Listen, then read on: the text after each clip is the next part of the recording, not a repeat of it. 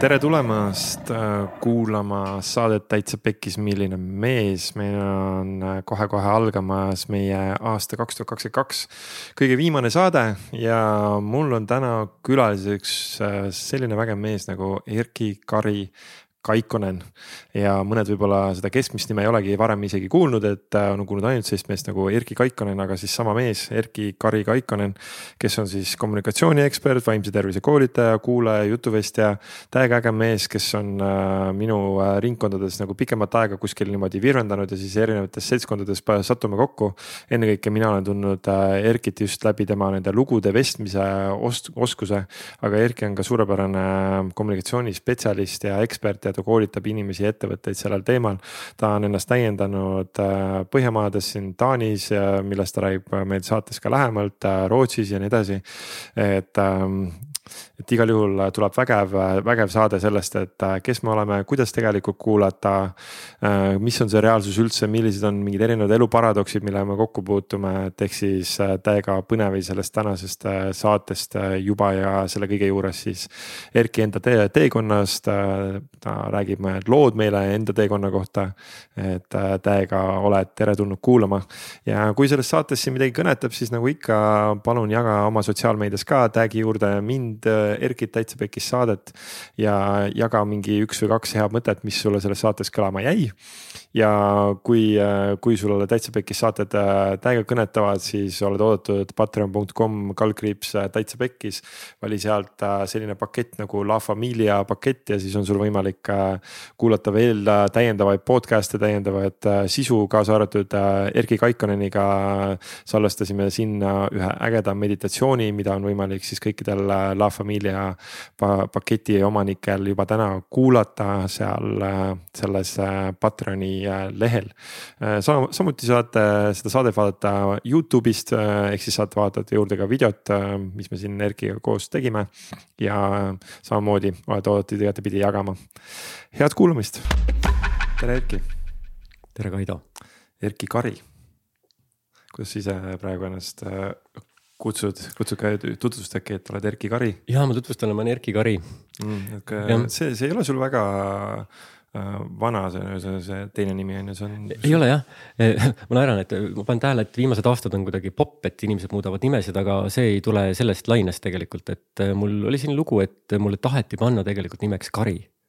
aga siis äh, vana-vanaema kes on mulle väga lähedane inimene olnud, ütles, et ei, mis ei pane lapsele sihukest nime, hakatakse koolis narrima mm.. ja nüüd aastaid hiljem mul on see kogu aeg tiksunud kuskil. Ja, ja mul tekkis tunne, et ma võtan nüüd selle nime ka juurde, mis mulle alguses taheti panna mm.. kus sa seda teadsid siis vanem, vanematelt teadsid siis seda lugu? ja, ja vanematelt teadsin jah mm,. väga äge ja kes siis tahtis panna ja on siis nüüd ema, isa?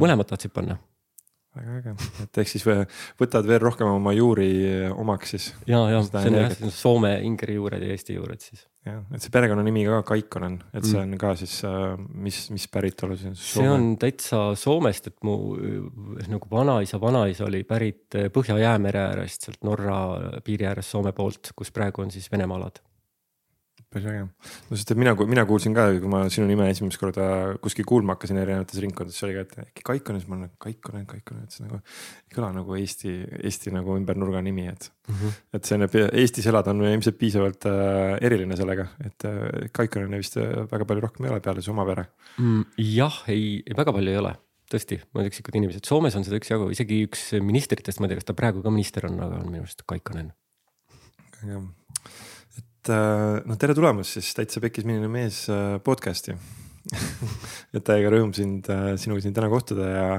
ja oleme siis täna siin salvestamas selle aasta, kaks tuhat kakskümmend kaks aasta viimast Täitsa Pekkis milline mees podcast'i ja siis siin aasta lõpul, et siis nüüd see hetkel, kui see saade eetrisse läheb, on üheksateistkümnes detsember parasjagu. ja siis just enne just enne siin natuke rääkisime ja siis sa ütlesid, et see üheksateist detsember on tegelikult väga põnev kuupäev, sest et, et siis on lõppemas mingi see üks ja, periood. on, on lõppemas nii-öelda eh, üks loodustsükkel, milleks on siis, läheneb talvine pööripäev, mis on siis mhm. tavaliselt kuskil kakskümmend üks või kakskümmend kaks detsember Mm -hmm. ja, ja noh, ütleme siis keldi kultuuriruumi traditsioonis, kui vaadata aasta ringi, siis lääne kultuuris Gregoriuse kalendri järgi nähakse, et esimene jaanuar on see aeg, kus peaks siis hakkama nagu andma lubadusi ja tegema plaane uueks aastaks. ja, ja, ja sealt tuleb välja, et, et sellise loodustsükli järgi on hoopis selline loomise periood, kus unistusid luua oma nii-öelda vision board'e ja mm, -hmm. ja mhm. häälestada nii-öelda unistuste seemneid on just esimene november kuni kakskümmend üks detsember. eks see on see kõige pimedam aeg, et peale kahekümne esimest detsembrit, peale talvist pööripäeva hakkab siis mingis mõttes nagu uus aasta hakkab valgemaks minema. hakkab valgemaks minema jah, et mm -hmm. looduse mõttes hakkab uus aasta väga hea, et ehk siis äh, kui sa kuulad seda podcast'i praegu siin kohe üheksateist kakskümmend, et siis äh, täna-homme on veel äh, äh nii-öelda siis, kuidas öelda, viimane võimalus. viimane võimalus oma järgmist aastat luua, aga no tegelikult eks, eks luua saab ju kogu aeg, aga mm,. jah, luua saab kogu aeg jah. aga just, et loodusrütmidega kooskõlas, kuidas sa ise ütleksid, kuidas sul nende loodusrütmidega kooskõlas elamine läbi aasta siis nii-öelda mingis mõttes õnnestub, et kas on nagu midagi ainult sellist, mida sa märkad siin aasta lõpus. Selle nende uue aasta plaanide seadmisega või on sul ka läbi aasta nii-öelda mingil moel jälgid mm., kuidas, kuidas loodus toimetab sinu ümber? ma varasemalt, eh, ma märkasin seda võib-olla rohkem hakkasin märkama kuskil kümme-viisteist aastat tagasi mm. -hmm. noh, nimelt on osad inimesed, kellel on näiteks kuu mõju on, on seespool tajutav äh, nagu suurem kui teistel. et tänaseks on siis Harvardi ülikoolis ka tehtud pikaaegne uuring, kus siis äh, on siis teaduslikult ära tõestatud, et nii loodust kui inimest mõjutab kuu päris tugevalt, et kindlasti ma, äh, ma jälgin kuurütme sest sellest nagu teen mingeid teatud plaane selle järgi, sest et noh, ma märkan, et see kuidagi toimib minu jaoks. Ja, ja, ja noh, mis puutub nagu pööripäevadesse, siis kipub nii olema, et peale pööripäevi tekivad mm,, inimestel tulevad gripilained eks see, eks see on nagu jälle see häälestumise küsimus, et igal sellisel noh, need on neli peamist perioodi on ju. on, on, on, toimub nagu selline looduses selline muutus ja kui noh, linnainimestena me elame nagu täitsa omas voos ja kui me ei, ei oska selle, sellega nagu häälestuda, siis immuunsussüsteem tõmbab meid nagu kohale ja siis me mm. nagu häälestume. mis tuletab meile meelde, et näed.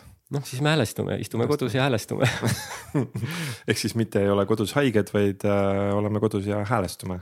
jah aga see on päris hea sõnastus, see kõlab palju parem, seda on palju lihtsam vastu võtta, sest vaata, kui oleks, et ma, ma olen kodus, ma olen nüüd haige, siis sellel on ikka mingid hinnangud või nii, et aga siis saab ka öelda, et ma häälestun loodusrütmidele.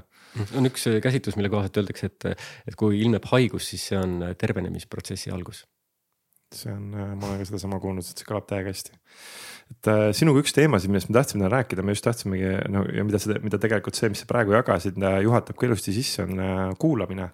On ju just, et äh, noh, et ehk siis seesama, et äh, noh, siin praegu siis räägime looduse kuulamist, aga ka enda kuulamisest äh, nagu selle koha peal, et kuidas siis nii-öelda loodus meid mõjutab või kuidas ta, mis, mis ta, kuidas ta ennast mõjutab ja siis sina oled ennast noh, ühe siis nii-öelda oma tiitlina endale võtnud ka, et sa oled selline kommunikatsiooniekspert. ja siis sa oled seal ennem rääkisime ka seal, et, et üks oluline aspekt seal on just kuulamine ja see kuulamisoskus kui selline ja siis seal ongi need kaks elementi. üks osa on siis nii-öelda enda kuulamine ja teine osa on siis äh, teiste, teiste kuulamine enda ümber, et, et äh, täiega küsiks, et äh, rohkem ei ütlekski, aga kuidas sina ise selle teema nagu selle kuulamisteema nagu avaksid mm? -hmm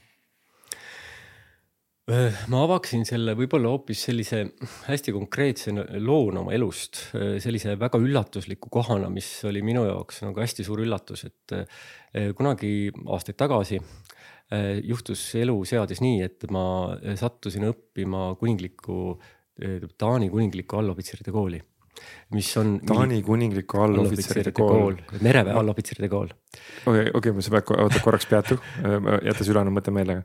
kuidas sa satud äh, kogemata nagu mingisugusesse Taani kuningliku allohvitseride kooli? et noh, juhtus nii, et, et ma nagu ikka, et me võime sattuda aega teenima ja, ja mul tekkis selline võimalus, et ma sain valida ja, ja siis ma valisin mereväe sellepärast, et meri on minu jaoks see dimensioon alati, mis mm, mis võimaldab mul näha nagu suurt perspektiivi ja tasakaalustada noh, mida iganes. Ja kuna ma ei ole loomult väga militaarne tüüp mm., et pigem nagu vastupidi, siis ma mõtlesin, et see aitab mul seda aega paremini üle elada ja mul oli õigus. Okay.. jah, ja siis sealtkaudu ma sattusin, et sealt pakuti mulle seda võimalust ja see tundus mulle väga mm, meeltmööda. okei okay., kõlab täiega põnevalt, ehk siis Taan, olid Taanis mm. -hmm. ja, ja olin nii-öelda Taani sõjalaeva peal ja mis oli väga ootamatu, et e, see kontekst oli üks võib-olla humanistlikumaid hariduskogemusi äh, minu isiklikus elus, üks nendest wow.. noh, võrreldes võib-olla Eesti haridussüsteemiga siis nagu oluliselt humanistlikum.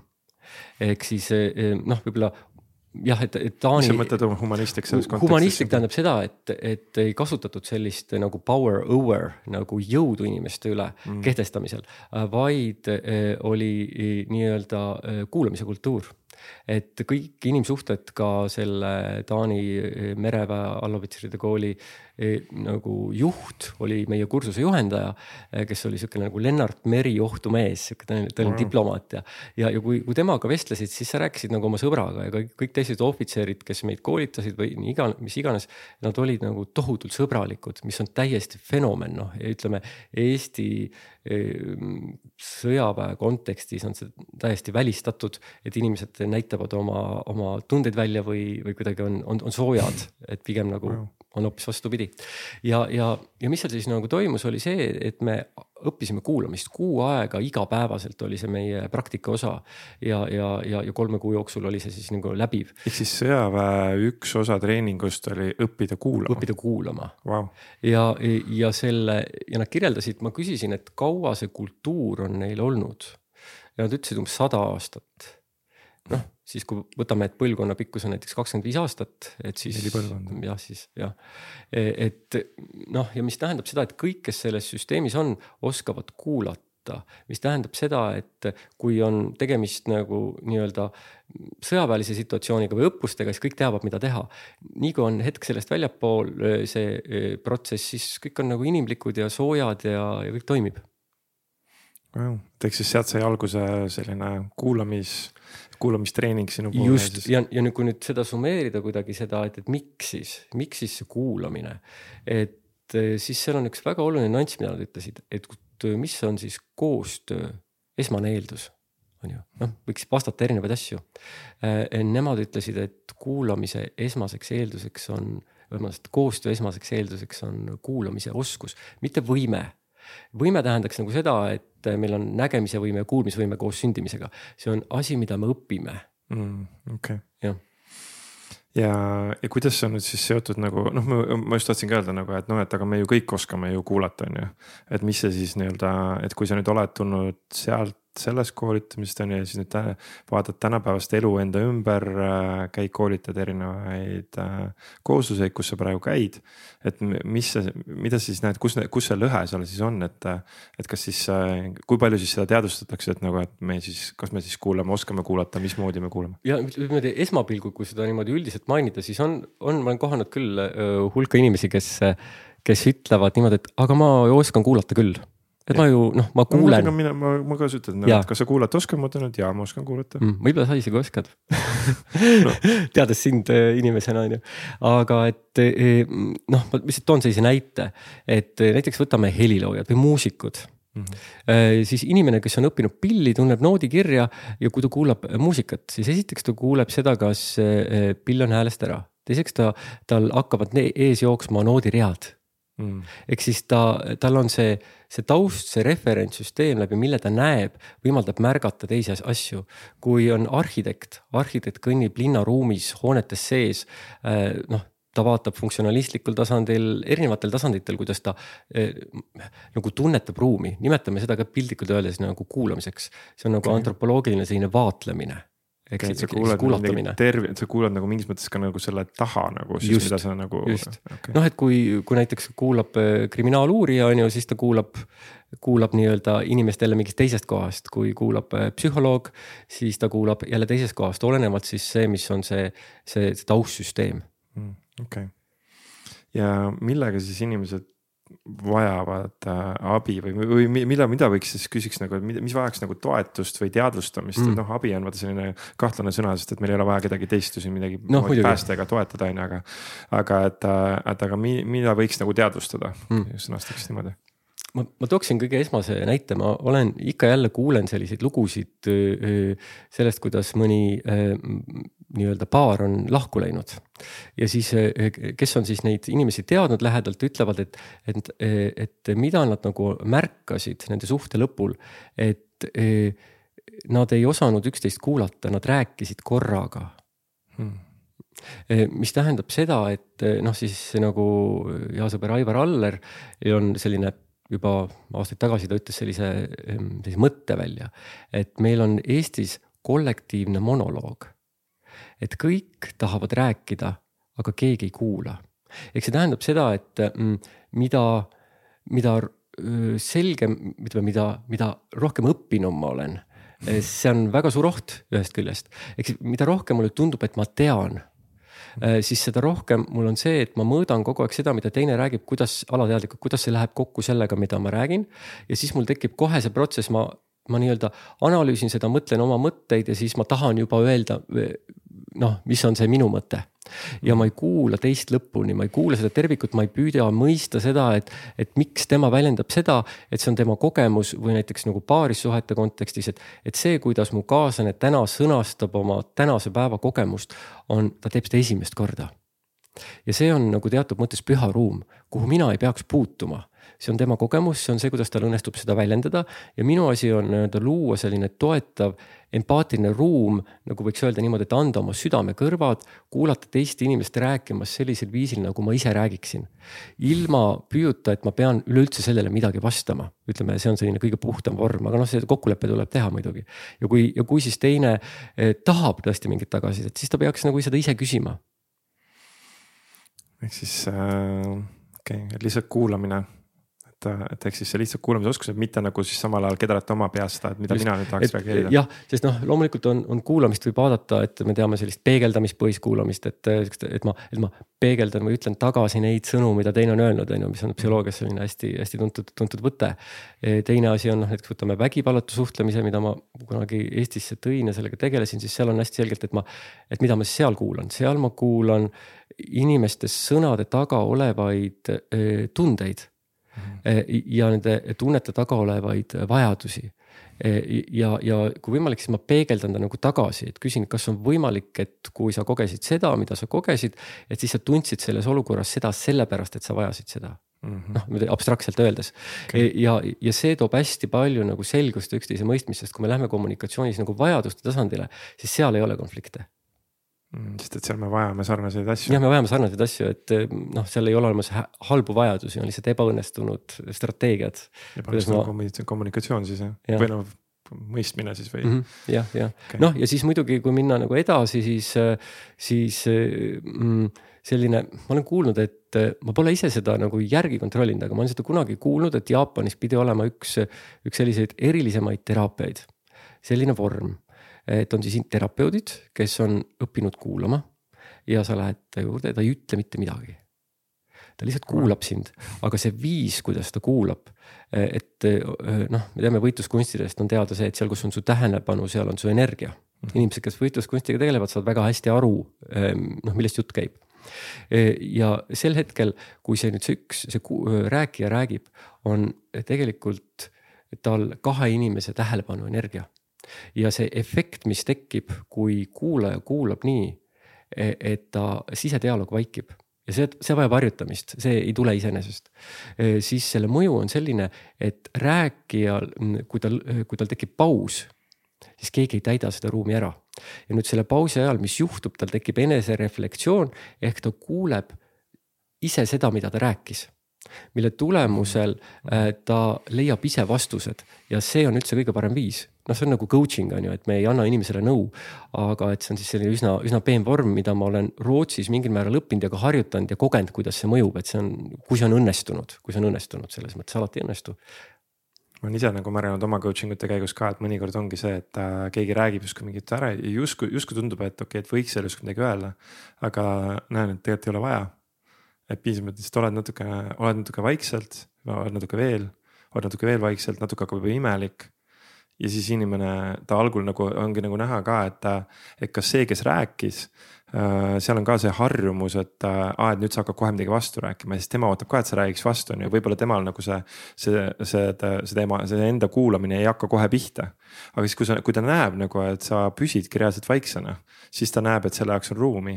siis ta tegelikult hästi kiiresti nagu tegelikult nagu võtab see endale ja siis ta ütleb, siis tal läheb mõte edasi, aga okei okay,, aga siis see ju tähendab omakorda ju seda ja siis ta, siis tal hakkab oma mõte nagu edasi kerima mm. -hmm. jah, sest et noh, mis puutub meie nagu sisekommunikatsiooni, siis seal enda sees on ju see, et, et me mõtleme oma mõtteid, aga nad ei noh, nad tihti tulevad mingid muud mõtted vahele, et noh, seepärast öeldakse, et kirjutage, et kirjutage, kirjutamine on üks viis, kuidas mingis mõttes kuulata iseennast, on ju. et kirjutage iga päev hommikul need mingid leheküljed, aga sama efekt on, osadele inimestele sobib väga hästi just äh, rääkimine, kellelegi rääkida öö, oma, oma mõtted lahti, sest et sa pead ju teisele sõnastama nii, et tema saaks sellest aru, aga selle tulemus on see, et sa saad ise ka aru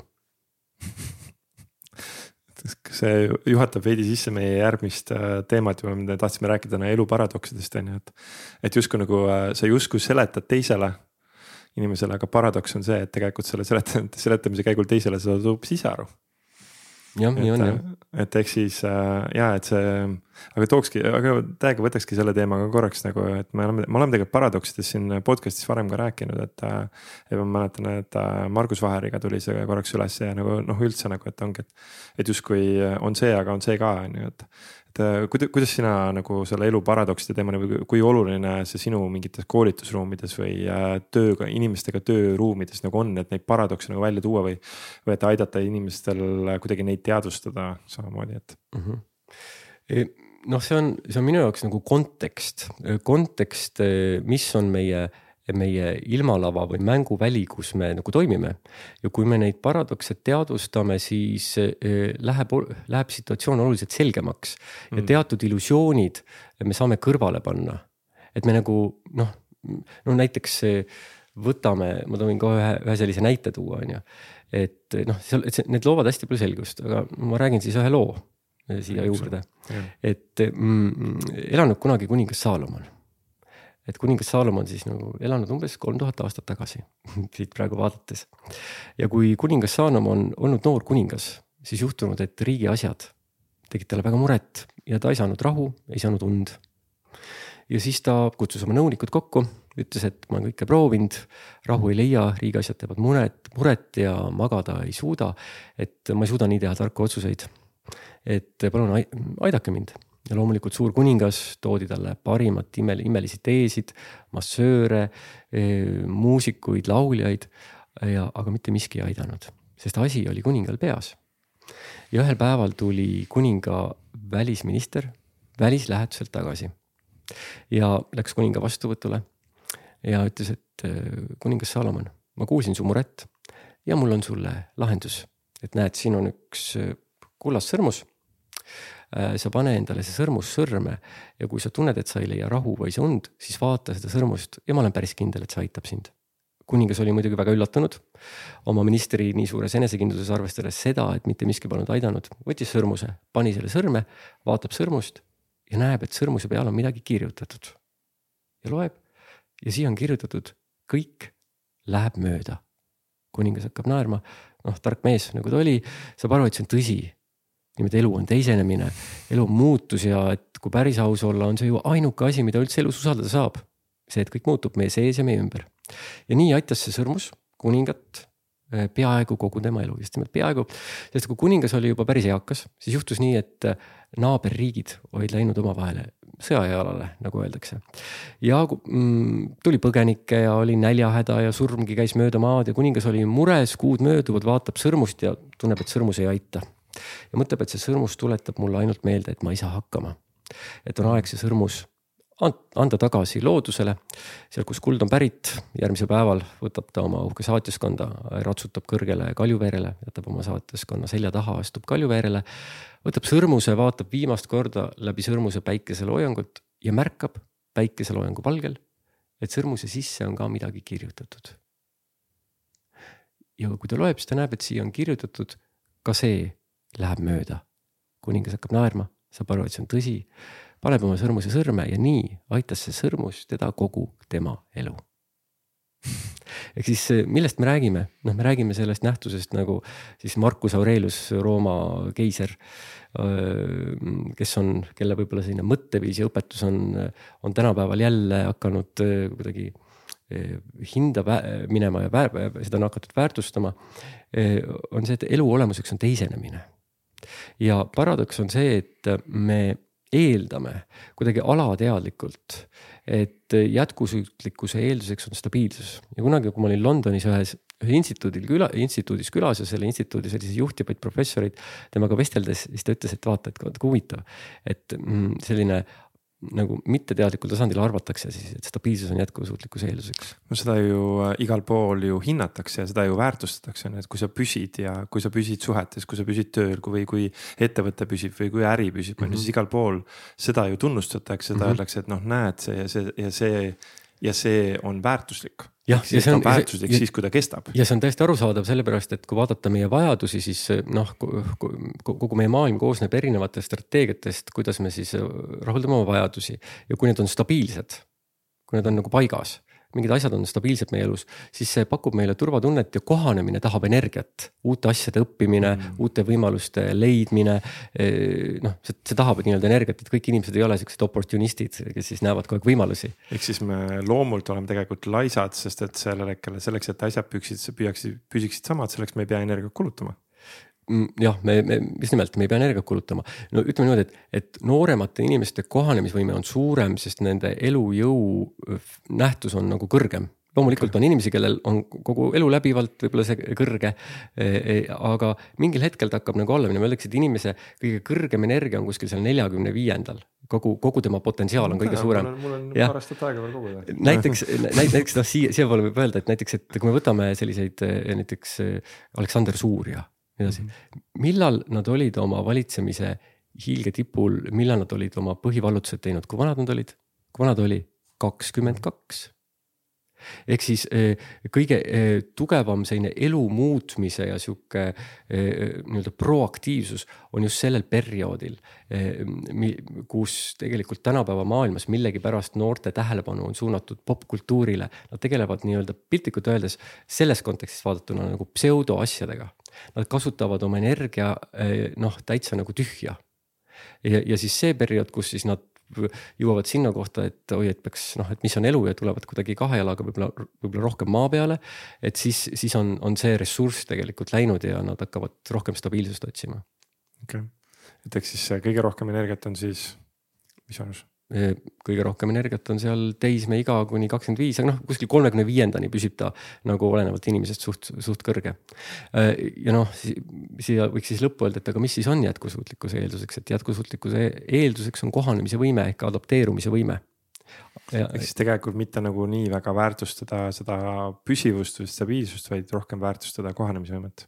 jah, eks siis, eks siis on situatsioon, et ütleme, et kui äh, mul on mingisugused arusaamad noh, nagu teoreetilised käsitlused või mingid asjad, mis, mis mind toetavad mm. -hmm. et siis ma ei pea selle külge nagu kinni jääma, et see on ainuke võimalik, vaid ma võingi käsitleda, et, et see on praegu parim, mis ma leidnud olen. aga okay. kui ma peaksin leidma pari, parema, siis loomulikult ma valin selle. no aga see siis läheb sinna, et siis sa oled ikka selline hüplik.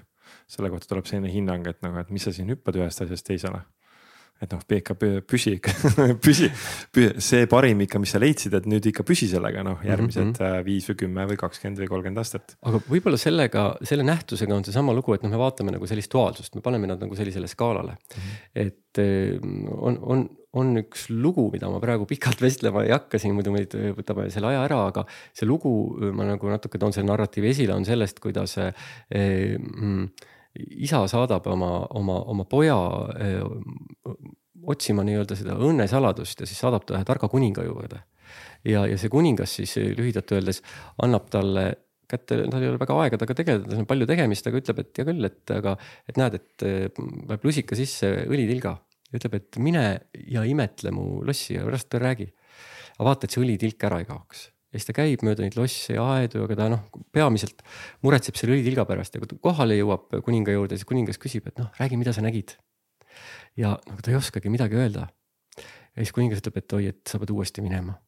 et, et sa pead noh, lihtsalt seal nii palju imelist on kõik need, need aiad ja, ja see kunst ja, ja kõik see, mis seal on, et ja noh, loomulikult poiss käib ja ta näeb, see, mida ta näeb, on lihtsalt erakordne see, mida kuningas on loonud, see, see, see ilu ja, ja kui ta tuleb tagasi, ta on täiesti vaimustuses, räägib sellest kõigest. ja siis kuningas kuulab teda, ütleb, ma näen, ma näen, et sa oled näinud, sa oled näinud seda ilu, mis on minu kuning, kuningalossis ja aedades. aga et kuidas su õlitilgaga on lood? ja poiss vaatab lusikat ja näeb, et õlitilk on kadunud ja kuningas ütleb selle peale, et vaata, et õnnesaladus, õnnesaladus seisnebki selles, et sa pead hoidma seda õlitilka seal lusikas, aga samal ajal märkama seda, mis on su ümber et, et see ongi nagu selline tasakaal, mida me kõik otsime, aga samal ajal tasakaal ei ole mingi sihuke asi, mida me nagu noh, me teame seda võib-olla isiklikust kogemusest, et, et see koht, kus me oleme täielikult sihukeses nagu rahuseisundis, me istume ja kõht on täis ja. ja parasjagu ükski vajadus ei, ei nagu ei, ei anna meile emotsioonide või tunnete kaudu signaali, et midagi on puudu. et need on, need hetked on üürikesed mm. -hmm. et see on ju kogu aeg liikuv protsess nii-öelda okay.. ehk siis see tasakaal on tegelikult kogu aeg liikumises. jah, et on selline ütlus, et no millal me saavutame siis tasakaalu. saavad, tasakaalu me saavutame siis, meie organism saavutab tasakaalu, kui meie süda seiskub mm,. siis kui oleme horisontaalses tasakaalus ja, mm -hmm. ja ongi korras. ehk siis, ehk siis kui me inimestena elades eh, eh, kuidagi nagu püüdleme kogu aeg sinna nagu tasakaalu poole mm, -hmm. siis, siis me mingis mõttes eh, loome iseendale nagu eesmärgi, kus me kogu aeg tunneme, et me kukume välja. meil on tunne, et me ei jõua sinna kohale ja kaugelt vaadates tundub, et teised oleks justkui sinna kohale jõudnud. teistel on no, tasakaal käes. jah, aga noh, see on kaugelt vaadates nii mm. -hmm et tegelikult kui nii kui hakkad lähemalt vaatama, siis saad aru, et nendel on samamoodi see mäng käib. jah, see mäng käib ja siin tuleb nüüd esile see nagu, võiks öelda nagu teine minu jaoks üsna oluline elu paradoks, mis on seotud selle esimesega, selle muutusega. sest muutus ei toimu ainult väljapool, vaid ka meie sees. On ju. ja, ja meie, meie võimekus, meie elujõud, meie, meie intellektuaalne võimekus, meie mäle, mälu, palju me mäletame, on ju, inimesed on selles e, e, erinevad. E, pluss meie bioloogilised protsessid, vananemisprotsess on ju, mis on siis nagu, millega igaüks noh, inimesed, igaüks tegeleb mingil viisil et, et selle, selle kohta võiks öelda siis niimoodi, et mis on siis teine kõige suurem väljakutse. ma kunagi küsisin Alexela kontsertsaalis mm, tuhande viiesaja noore ja nende õpetajate käest küsisin, et, et tõstke käsi, kes tunneb, et, et üks kõige suuremaid väljakutseid igapäevases elus on, et kuidas olla iseenda sõber. mis sa arvad, kas enamus tõstsid käe? tõstsid? nõus. jah, tõstsid käe mm, ja siis ma ütlesin jah, et, et, et nii see ongi et üks kõige suuremaid väljakutseid on, kuidas olla iseenda sõber ehk veel täpsemalt öeldes, kuidas armastada iseennast, kuidas olla iseendaga heas suhtes, sest kogu aeg kõik muutub, kõik liigub ja me kas mm. oleme oma ootuste siis nagu kõrgusel või oleme see pidevalt nagu maas. kui kõik kogu aeg muutub, siis ongi nagu see, et see miski sinus, mida sa ju nii väga armastasid, mingil hetkel see ju ühel hetkel muutub mm. -hmm ja võib ja kuni selleni välja, et mingil hetkel võib tulla üles midagi sellist, mida sa enne ei armastanud. ja siis see äkki tuleb sinus ülesse ja siis on küsimus, et kuidas endas armastada midagi, mida sa enne ei armastanud ei armastanud, no näiteks võtame näiteks äh, kümnendite kriisid et eh, noh, kui saame kahekümneseks, siis me märkame seda üsna nagu vähe, aga ta on märgatav. Eh, kolmekümneselt on ta nagu järgmisel tasandil, neljakümnes ja viiekümnes on juba palju tugevamad eh, protsessid, sest et väärtussüsteemi tasandil toimub nihe ja kui väärtussüsteemi tasandil toimub meie sees nihe, siis selle, selle üks tagajärge on see, et me proovime nagu teha neid asju, mida me enne tegime, sest nad tekitasid meis teatud tunde mm. -hmm. aga paradoks on see, et need enam nagu ei tööta ja, ja, ja siis meil on vaja hakata nagu otsima uusi viise. ja see ongi selline muutus, kus me oleme korraks nagu kompass on sassi läinud. ja see võib olla väga-väga sügavisiklik kriis, olenevalt siis inimesest. kuidas inimesed sellega siis hakkama saavad või mis...? ma, ma mäletan eh, kunagi Alar Tamming tõi esile, et üks mm, üks teadlane, kes äh, oli aastaid seda uurinud, noh siis nagu psühholoogina oli tema huvi, et kuna ta mõistis, kui suur, nähes, kui suur väljakutse see võib inimeste jaoks olla. et siis ta nagu teeb selle asja omale selgeks mm -hmm. ja mhm. siis tal on võimalik nagu seda vältida. ja siis oma elu teises pooles ta ütles, et, et sellest ei olnud kasu et ikkagi iseendaga tuli kohtuda ja kõik need asjad tuli läbi käia, ehk siis võib-olla väga palju kasu on sellest, kui me nagu teadvustame seda, et kui meile läheneb järgmine kümnend, on eelmise kümnendi lõpp. et siis, kui meil tekib selline ebastabiilsus sees, siis me ei arvaks, et me oleme hulluks läinud mm,. Okay. vaid, vaid me saame aru, et see on normaalne protsess ja, ja meil tulebki võtta aega, olla avatud ja, ja katsetada uusi asju ja, ja nii-öelda teada, et see läheb mööda. jälle seesama koht, et kõik läheb mööda, ka see läheb mööda mm. See lause just seal oli, et oligi, et esimene lause oli see, et see läheb mööda, teine oli siis, et ka see läheb mööda. ka see läheb mööda jah, ja, ja, ja noh, mis puutub sellesse enese, eh, enesega sõbraks olemisest või, või enese armastamisest, siis eh, see on see, et kui me, see on asi, millest me ei räägi, eks ole, aga kui seda küsida erinevates auditooriumides, kõik tõstavad käe ja nüüd, kui me räägiksime sellest, siis esiteks me avastaksime, et me oleme väga sarnased. ja kui ma nüüd küsiksin, et kuidas sul nagu sellega praegusel perioodil läheb ja, ja milliseid nagu nippe või viise sina kasutad selleks, et, et iseendaga hästi läbi saada, siis ilmselt eh, oleks need väga kasulikud, vastastikku kasulikud vestlused mm. -hmm. erinevatele inimestele on ju. okei okay siis üks, üks teema, millest me, kui me ennem ka arutasime, siis nagu, et üks teema, millest me tahtsime rääkida, on see, et mis asi on üldse reaalsus, on ju. et ehk siis nagu nüüd on ka see, on ju, et, et see. et see enda, enda kogemine hmm.. mul tuli mingi mõte täiega üles, siis ma praegu just hajus ära okei okay,, ehk siis, mis on reaalne, mis on, mis on päris. et noh, et kas siis päris, ehk siis ongi näiteks, et äh, kas päris on siis need kahekümnendad või päris on kolmekümnendad või päris on neljakümnendad või, sest mm -hmm. nad on ju mhm. nii erinevad. kas päris on see eelmine reaalsus, mis oli või päris on nüüd see uus reaalsus, mis nüüd tuli, on ju ehk siis küsimus on, ongi, et sest et vot tihtipeale no mida tehakse meil ka mingis suures meedias või kuskil tehakse nihuke, korjatakse üles mingisugune kümne või kahekümne või kolmekümne aasta tagune mingi asi, on ju. ja siis öeldakse, et no näed, et näed, et sa oled selline sest et äh, kakskümmend aastat tagasi näed, sa kuskil, eriti kui me räägime tänapäevasest maailmast, kus sotsiaalmeedias ja kõik asjad äh, artiklites ju asjad jäävad kõik igavesti ülesse, mis tähendab, et keegi paneb sinu nime kuskile sisse ja siis sellel hetkel äh, viskab kõik kohe nagu nähtavale, on ju. ja siis äh, ja noh, nii-öelda, mis on kunagi siis sal-, salvestunud on ju, et, et kas siis, mis see reaalsus siis selle sees on nagu, et kas see reaalsus on siis nüüd see, see, mis, mida sa sealt nagu siis mineviku kohta endale loed. vaatad enda mingeid vanu pilte on ju, vaatad oma mingi lapsepõlvepilte, vaatad no, no kas see siis on reaalsus või. või siis nagu, mis see reaalsus siis on üldse kogu selles mängus, sest et reaalsus on ju hästi oluline meil kõigile ikka, et noh, et. me kasutame ikka väga palju seda väljendit, et noh, et aga see ei ole realistlik või et see ei ole reaalne või see ei ole päris mm -hmm.. noh, et aga mis siis on päris või mis siis on üldse reaalsus? ma mõtlen noh, konkreetselt sinu küsimuse kontekstile mõeldes äh, mul, mul nagu tuleb siin meelde see koht, et, et äh, alateadlikult me ei käsitle inimest kui protsessi, vaid me käsitleme teda kui ainult nähtust, et kui ta nagu tegi midagi kunagi, et siis me ei anna talle võimalust, et ta võib olla muutunud mm. -hmm. samal kui me vaatame nagu isiklikul tasandil, siis me märkame ju kogu aeg muutust. Äh, ja, ja, ja noh jah, ja see, selle koha pealt see maailm on nagu natuke ebaõiglane on ju, et seda kasutatakse ära, aga, aga sinna me ei pea minema et ma, ma tooksin noh, sellele küsimusele on erinevaid vastuseid, aga ma siinkohal tooksin esile selle, millest ma inimestele räägin ja mis minu arust on üks, üks kasulikumaid perspektiive.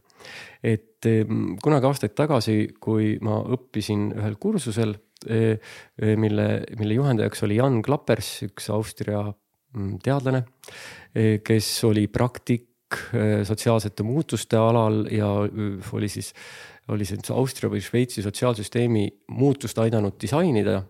ja, ja ka suurte korporatsioonide nagu Mercedes ja nii mõnedki teised, selline muutuste disainija ehk siis praktik okay.. muutuste disaini ja praktika, ma püüan, püüan korraks nagu järgi võtta, ühesõnaga tema ülesanne on siis nii, et ta loob selle mingi pildi sellest, mida on vaja muuta, loob selle mingi visiooni ja mm -hmm. siis omakorda viib sellega ellu. just, kuidas selle, ta ei vii ellu, vaid ta ju, juhendab seda. Juhend, ja ta annab, ta annab nii-öelda selle, ehk siis ka selle, millist informatsiooni tuleb jagada inimestele mis informatsiooni nad vajavad.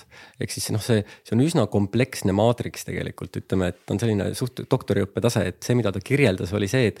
et põhimõtteliselt on võimalik ka kõige suuremaid, kui öeldakse, et nagu suuri sotsiaalseid protsesse ei ole võimalik suunata või disainida, siis tema kirjeldas, et on Mm. et eh, selleks on vaja lihtsalt eh, mitu doktorikraadiga inimest, neile poolteist, kaks, kolm aastat. Eh, ja on võimalik mis iganes suuri sotsiaalseid protsesse disainida mm. -hmm. Et ja noh, ma nägin seda siis nagu lähedalt seda, seda teaduslikku poolt, noh, mis oli päris, päris intensiivne intellekt, intellektuaalses mõttes, et väga kompleksne. aga tema küsis meie käest, alati inimene, kes siis tsiteeris alati kedagi ja, ja tema loengud algasid minuti pealt ja lause lõppes ka nagu minuti pealt, et see oli nagu fenomen. ja siis ühel hetkel ta küsis, et kas te teate, mis on inimeste jaoks reaalsus ja siis ta kuulas meid ära, noh, et meile meelde jääks, kuulas meid ära pool tundi ja siis ütles, et minu isiklik kogemus näitab, et inimeste jaoks on reaalsus peamiselt see, mida nad tunnevad, mitte see, mida nad mõtlevad. ehk siis mõtted tulevad ja lähevad.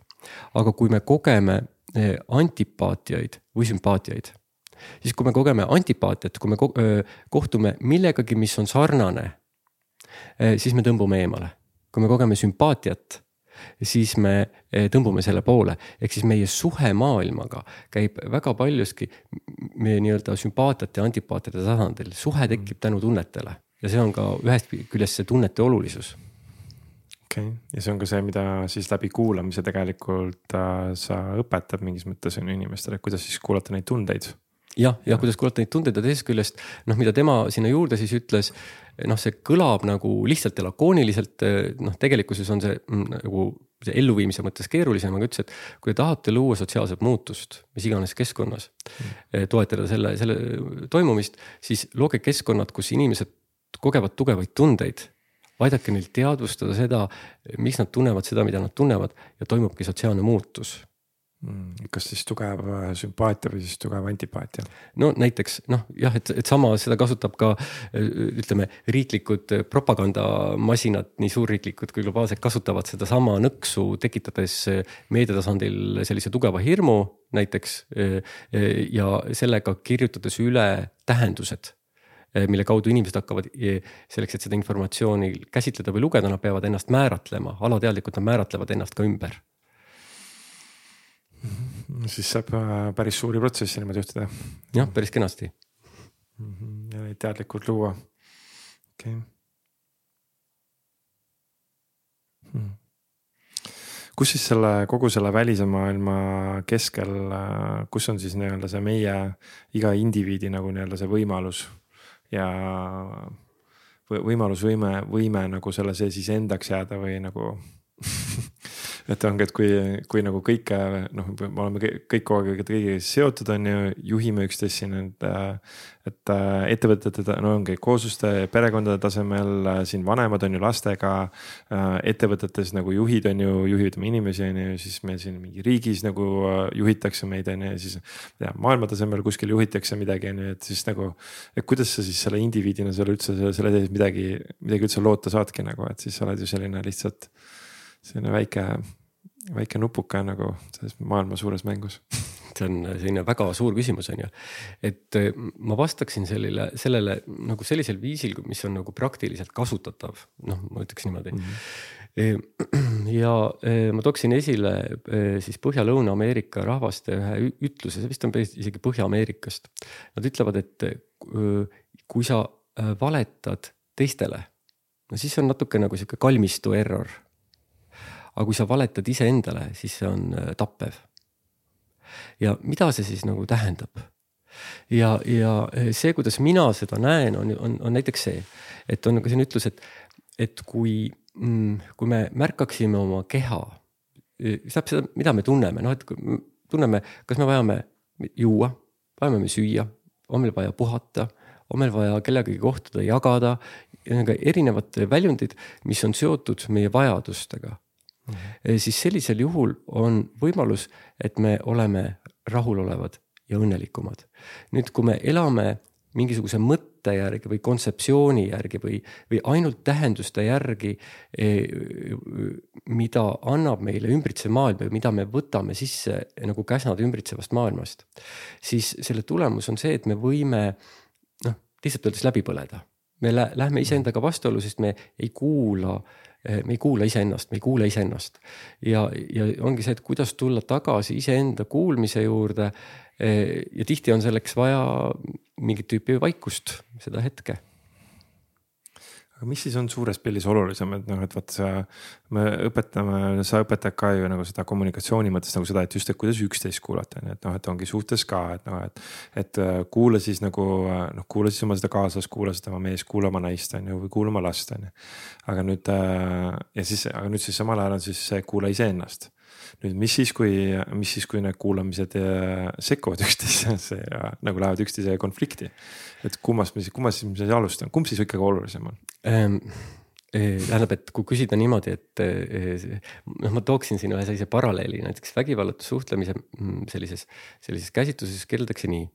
et kuulata tuleb alati kõigepealt seda, kes on emotsionaalselt kõige rohkem laetud mm.. sest et tema suudab äh, kõige vähem äh, ku, ise kuulata. Okay.. ehk, ehk siis tema vajab nagu seda empaatiat. Ehk siis see, kes on kõige rohkem mingis mõttes nagu paigast ära või kes on, kõige just, reageerivam. ja kes on, kes on kõige reaktiivsem. nüüd, kui, kui tema saab kogemuse, et teda on kuuldud, siis tekib tal ruum, et kuulata sind.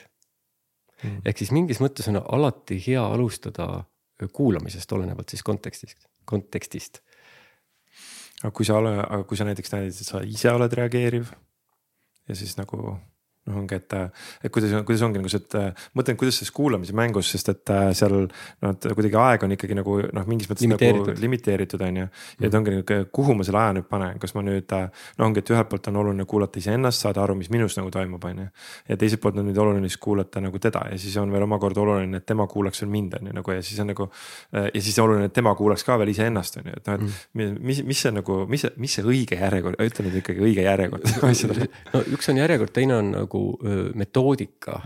jah, et, et võiks noh, ma toon sellise hea näite Rootsist, kui ma õppisin intuitiivpedagoogikat, ehk siis väga palju seda, mis on seotud just meie sisekommunikatsiooniga mm. lõpuks. E, siis seal üks meie õpetajaid, Iris Johanson andis sellise väga hea nõu, et et, et teadvustage seda, et alati, kui te olete kuskil mingi laua taga või te olete kellegagi vestlemas, isegi kui te olete presidendi vastuvõtul. ja, ja, ja nii-öelda olukord läheb teie jaoks intensiivseks mm. mingi, mingis kohas. E, siis see vastutuse võtmine oma kogemuse eest on see, et sa võid alati püsti tõusta, et vabandust, ma pean käima tualetis see on sotsiaalne argument, millele mitte keegi ei saa midagi vastu öelda. eks sa võtad selle oma autonoomse ruumi hetkeks. Eh, sest vahetevahel selleks, et näha ja mõista selgelt, me peame võtma oma autonoomse ruumi. vahest piisab minutist kahest Mm -hmm. kus sa, kus sa nii-öelda hingad läbi, tuled kohale ja, ja, ja tekib see eneseempaatia koht, kus sa saad aru, et et mida sa koged, mis on nagu see, mis sulle meeldib, mis ei meeldi, mida sa eelistad. mida sa nagu mõtted, nagu mõtete korrastamise ruum. Ehk noh, selliseks kommunikatsiooniks on alati mõistlik mingilgi määral nagu sihuke rahulikum seisund, sest üldiselt, kui inimestevaheline suhtlemine jõuab sellisesse väga tugevasse emotsionaalsesse reaktsiooni, siis sealt midagi head küll ei tule, sellepärast et keegi ei kuule enam mitte kedagi ja, ja noh, see on see, mis seal on nüüd see suures pildis Eestis ka on ju, et. et noh, see on, et sinu taju, et ongi, et selline kollektiivne monoloog, et äh, kõik räägivad, aga keegi väga ei kuula. jah, siis selline mm, siiras äh, mõistmise soov. Äh, soov mõista, miks vestluspartner räägib seda, mida ta räägib. isegi kui see on täiesti vastuolus sellega, kuidas mina asjadest aru saan. kuidas sa paned selle koha kõrvale? Et nagu see ongi nagu see, et, et sa nagu, äh, sa näed ära, saad aru, et see inimene hakkab mingit juttu ajama, on ju, ta räägib mingit asja. sa juba näed, kuhu ta tõenäoliselt liigub sellega, sa juba näed nagu, et nagu, et see noh, et vastavalt sinu tajudele on ju, et siis noh, see on vale see, see vale, ei ole, see on vale nagu, see, see, mida sa praegu räägid, see, kuhu sa sellega jõuda tahad, see point, mida sa sellega teha tahad, see on ilmselgelt vale, sellepärast et äh, see mi,. Mi, mina ju tean nagu, ma ju olen ka ju uurinud ja ma olen õppinud ja ma tean ju, et noh, et see noh, see ei ole õige. aga nüüd ongi nagu see, et kuidas seal panna või noh, mis praktikaid või mis mõtteid on selle koha peal, kuidas sellel hetkel nagu teha seda. või, või mis on mingid toetavad põhimõtted, mis aitaks nagu, mis paneks selle oma selle mõttemüra müra nii-öelda nagu kõrvale. ja nagu teeks lihtsalt puhtalt nagu ruumi sellele tema jagamisele mm. -hmm jah, Kaido, mul on pakkuda sulle üks vastus. palun, tule et eh, see, mm, mm, eh, see tuleneb jälle vägivallatu suhtlemisest, on see, on see pärit ja see on. Eh, siin on üks raamat mul ka kaasas, mis on vägivallatu suhtlemine, elukeel mm. -hmm. selline raamat ja noh, seda lugedes sa ei hakka seda metoodikat ise valdama, aga see loob hästi palju selgust, just võtab mingeid illusioone ära kommunikatsioonist. ja ma jagan siis ühte sellist terasit. see on see, et mm, nii-öelda see, kui, mida inimesed väljendavad või mida iganes nad teevad, selle taga on mingi ilus vajadus, just nimelt ilus vajadus, vajadused on ilusad ja. okei okay,, see on, see on juba esimene hea point nagu seal, et ongi nagu see, et, et justkui, sest et minu esimene reaktsioon, kui ta räägib mingit jama, on ju on see, et seal taga on mingisugune nõme või ta ilmselt tahab halba. ta ilmselt tahab halba ta, jah, okei mm. väga hea. siin on nagu siis..., siin on nagu kaks käsitlust, et üldiselt institutsioonid ka Eesti kontekstis või, või mujal. E, selline institutsionaalne maailm väga tihti käsitleb inimest kui, kui pigem nagu pahatahtlikku ja kui teda ei kontrolli või ei piira, ei normeeri, ei sanktsioneeri, tal ei ole hirmu, siis ta ilmselt hakkab käituma hälbivalt ja mm, nüüd see humanistlik okay. käitumine e, või, või, või perspektiiv inimesele või filosoofia on see, et inimene on oma loomult heatahtlik ja tema tegude põhjusteks on tema vajadused. aga äh, kui on nii-öelda meile ei sobi, kuidas teine käitub, siis on ebaõnnestunud strateegiad okay.. ja, ja nüüd on nagu küsimus selles, ma toon ühe konkreetse näite, et seda selgitada. ehk siis mina õppisin sealt ära selle, et, et, et seal taga on mingi ilus vajadus, seal on mingi hea põhjus hea põhjus. ja kui keegi räägib eh, midagi, mis eh, ei lähe kokku sellega, kuidas mina asjadest aru saan või on täiesti risti vastupidi, siis see on nüüd koht, kus ma kunagi, ma ei saa öelda, et ma olen nagu selles kogu aeg ühtlaselt hea, ma ei ole selles ühtlaselt hea ja on erinevad eluperioodid. aga ma mäletan ühte perioodi ülikooli ajal, kus ma nagu väga treenisin seda ja sealt on üks selliseid väga eredaid näiteid, et oli üks eh, hariduskonverents ja keegi paneeldiskussioonis Mm, keegi õppejõud või haridusvaldkonna inimene, ei mäleta, kes see oli, kes ütles välja midagi sellist, millega selgelt tuntavalt ta pälvis auditooriumi pahakspanu. Ja, ja, ja nüüd on see koht, et kas ma annan hinnangu inimesele e, ja võtan sellega võimaluse endal mõista. sest see hinnang ei ole see tegelikkus vaid hinnang on nagu see, mida ma ise mõtlesin sellest ja ma hakkangi käsitlema reaalsust selle, selle hinnanguna. mis on alati ju ees, kui me vaatame maailma, see meie minevik, meie hinnangud. E, või ma, e, ma siis keeldusin seda tegemast. ja kui see paneeldiskus-, diskussioon oli läbi ja tekkis pausi koht, siis ma läksin selle inimese juurde ja ütlesin talle, et ma kuulsin seda, mida sa ütlesid. ja sul oli ilmselt mingi väga hea põhjus, miks sa nii ütlesid kas sa võiksid seda mulle selgitada?